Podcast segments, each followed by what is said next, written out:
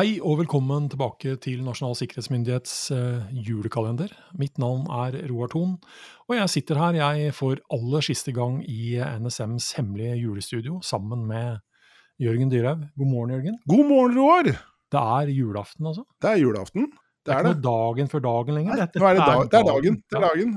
Og vi har jo stått opp tidlig vi da, for å komme oss hjem til våre respektive steder vi skal være, og håper si, bidra i forberedelser og ta del i de hyggelige eventene som Yes. måtte skje. Sånn må det bli. Eh, ribba skal i ovnen, og Det, det er mye, det er, jo, det er mye som skal ordnes. Men dette går an å gjøre gjennom en litt sånn tidsplan i forhold Ja, ja. til andre ting. Ja, ja, Det er viktig faktisk å kanskje sette seg ned litt i stolen innimellom òg. Ja.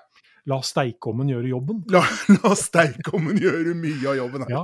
Det er Eh, definitivt riktig. Vi har jo da sittet her eh, Vi sitter her for eh, ja, 24. gang. Og vi har hatt en fast spalte på denne datoen. Ja. Og jeg er ganske sikker på at det skjedde mye elendighet eh, på julaften eh, rundt omkring i verden. Men det dropper vi å ta med Ja. i dag. Det dropper vi å ta med Vi i har dag. I heller dag et par andre ting ja, som er litt mer sånn som er litt hyggeligere. Ja. Julaften 1818. Julesangen 'Glade jul' blir fremført for første gang. Det er en fin sang. Den er fortsatt med oss den dag i dag. Absolutt.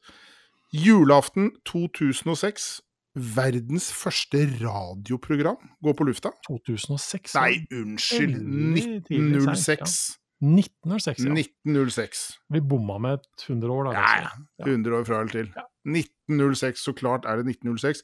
Verdens første radioprogram går på lufta. En diktopplesning, et fiolinstykke og en tale. Ja.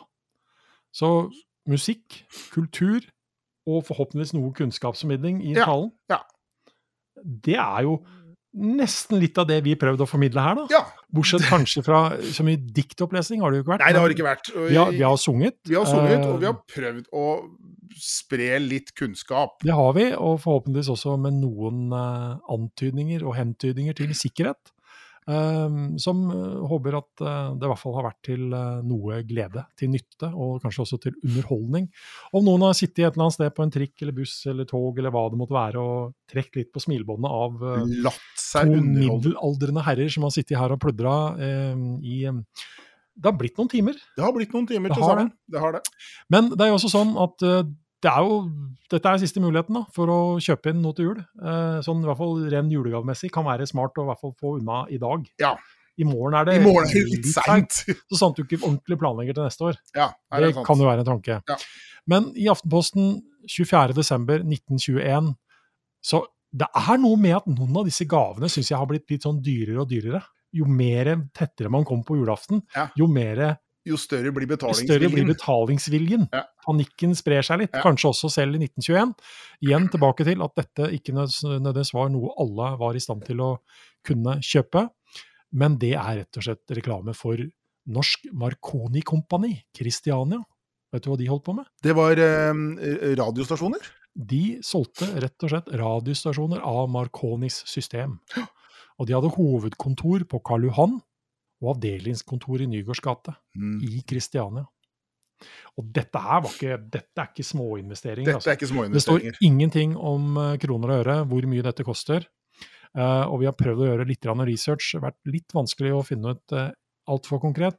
Men på 1930-tallet så kunne en radio fort koste en halv årslønn. Mm. Uh, og hva er en halv årslønn eh, på 30-tallet?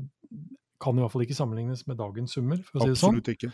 Avbetaling var vanlig, står det her, og gjorde det mulig med et innkjøp, så det var i hvert fall en mulig løsning man kunne gjøre.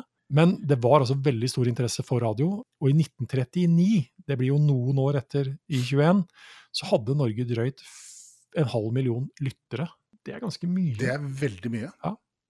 Et viktig bidrag til eh, den store økningen av salget av radio, det var eh, noe som, kom, som ble kalt for Folkemottakeren fra 1936, og den kosta bare 80 kroner. Ja. Eh, og noen av de prisene vi har sett på, eh, det er dog noen år seinere, med alt fra julekjoler til eh, 95, Mm. så er det, har det jo skjedd lite grann. Ja. Eh, og i løpet av få år så økte lytterantallet fra 100 000 til 500 000, som det da var snakk om i 39. Og det fantes også veldig mange krystallapparater som bare kosta 20 kroner, og Mm. øretelefoner til 10 kroner. Da er vi tilbake igjen på liksom, ja, headset Ja, i ikke sant? 1939. Ja. En tier. AirPod, AirPods. Det var nok ikke tikronersmarked. Det var nok Nei. ikke tikronersmarked. Og Og når det begynner å skje ting uh, ute i den store vide verden, og også dessverre her i Norge, så er det jo en annen interessant statistikk til å se litt og forstå hvor mange radioer det faktisk fantes. For i august 1941 så bestemmer den tyske okkupasjonsmakten seg for å inndra radioer i Norge. Man inndrar altså en halv million radioer. Hmm. Og da snakker vi ikke lyttere, vi snakker fysiske radioapparater. radioapparater. Så eh, det å lytte på noen har vært populært lenge, kan vi egentlig si. Det har det.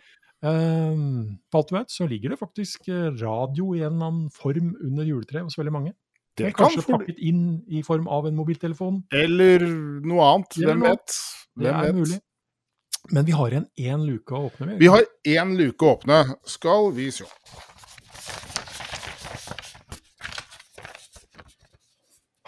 Det er jo synd det her er over, men akkurat det her lukeåpningen, Roar, med den teipinga di, det Jeg kjenner at jeg ikke kommer til å savne den. Du gleder deg ikke til seinere i kveld hvor du skal åpne flere gaver? Nei, jeg kommer til å sitte fast i dem.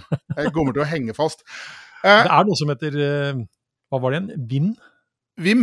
Vim. Skure, Skurekrem. Skurepulver, skurepulver Vim. Ja, det kan du bruke på fingeren. Så går det sikkert an. Ja, det, Håper ikke annet etter av. Oh, ja, ikke sant. Du, vet du hva? Eh, I luke nummer 24 så ligger 'Deilig av jorden'.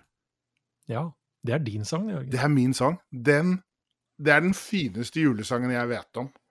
Um, og kan, kan ikke vi bare synge gjennom første vers, da? Jo. Deilig er jorden, prektig er Guds himmel, skjønn er sjelenes pilgrimsgang. Gjennom de fagre riker på jorden går vi til paradis med sang. Og nå skal jeg være så ærlig og si at jeg har egentlig ikke funnet noen sånne sikkerhetsmessige strofer eller budskap i denne. Jeg sneik den rett og slett bare med, fordi jeg syns den er jækla fin. Ja, Jeg er enig. Det, akkurat det holdt som argument for meg denne gangen. Jeg hadde, Du hadde White Christmas, du. jeg hadde White Christmas, og du får Deilig av jorden. Jeg får deilig av jorden. Uten noen helt konkret uh, sikkerhetsmessig vurdering bak det hele. Ja. Jeg er enig, det er en veldig fin sang. Eh, jeg er ikke usikker på om Jeg er egentlig ganske sikker på at jeg kommer til å høre den flere ganger i løpet av dagen. Det tror jeg nok. Det tror jeg nok. Sannsynligvis ikke at du og jeg synger, for vi kommer til å være på vidt forskjellige steder. Absolutt. Jeg tror rett og slett vi bare skal eh, roe det litt ned. Eh, la rett og slett eh, julefreden senke seg. Eh, vi har faktisk ingen julefakta Nei. i dag. Jeg syns sånn sett ikke at vi fant noe som passa. Det som er et fakta, det er at vi i eh, 2021, i julen 2021, kommer til å ha veldig masse mennesker eh, som til daglig, og også julen, rett og slett passer på oss. Vi har eh, blålysetatene, politi, mm. brannvesen, eh, ambulanse. Vi har mennesker på sykehus. Mm. Vi har mennesker i de såkalte lønnlige tjenester, Mhm. Som vi startet ganske tidlig med å snakke om. Ja. Eh, som eh, fortsatt er på jobb, på vakt, eh, for å sikre at de aller fleste av oss skal ha en fredelig og rolig jul. Så skal vi si noe mer enn rett og slett å si God jul. jul?